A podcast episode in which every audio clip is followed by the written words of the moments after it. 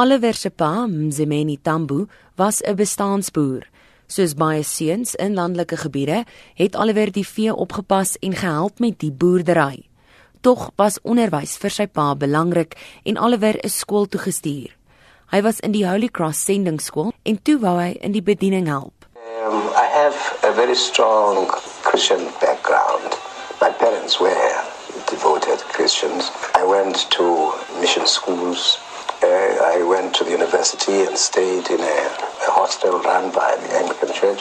I came back to teach in a mission school. I even offered myself for the ministry. Um, I was put out by the intensity of the struggle and the demands of the struggle. Selfs op 'n jong ouderdom het hy leierskapsvaardighede getoon. Hy was ook van jongs aktief in die politiek.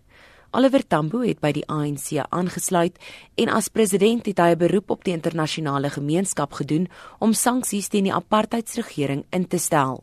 I'm saying that sanctions could stop a bloodbath. I am certain about this. We've always been sure that this is it. But if sanctions do not come are not effective, then the only option we have is to fight with everything we have. And it then depends uh, on how much pressure we can put on the regime.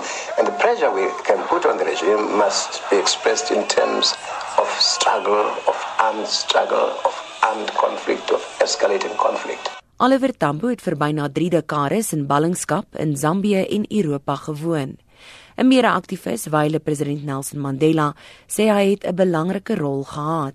Oliver was already sent abroad to head up the foreign mission of the organization and it fell on his shoulders to lead the movement in exile. Die voormalige president, Thabo Mbeki, het hom ook geprys. Tambo was an outstanding revolutionary democrat, a principal theoretician of the perspective of national democratic revolution to which ANC is committed, and consequently a central architect of the popular forces which would have an obligation to lead the offensive to achieve Sy seun, Dali Tambo, was 30 jaar oud toe hy en sy sibbe, Nomathemba en Selane, by die toe Jan Smuts Internasionale Lughawe in Johannesburg in 1991 geland het. Dit was kort na die verbod op die Vryheidsbeweging en die ANC opgehef is.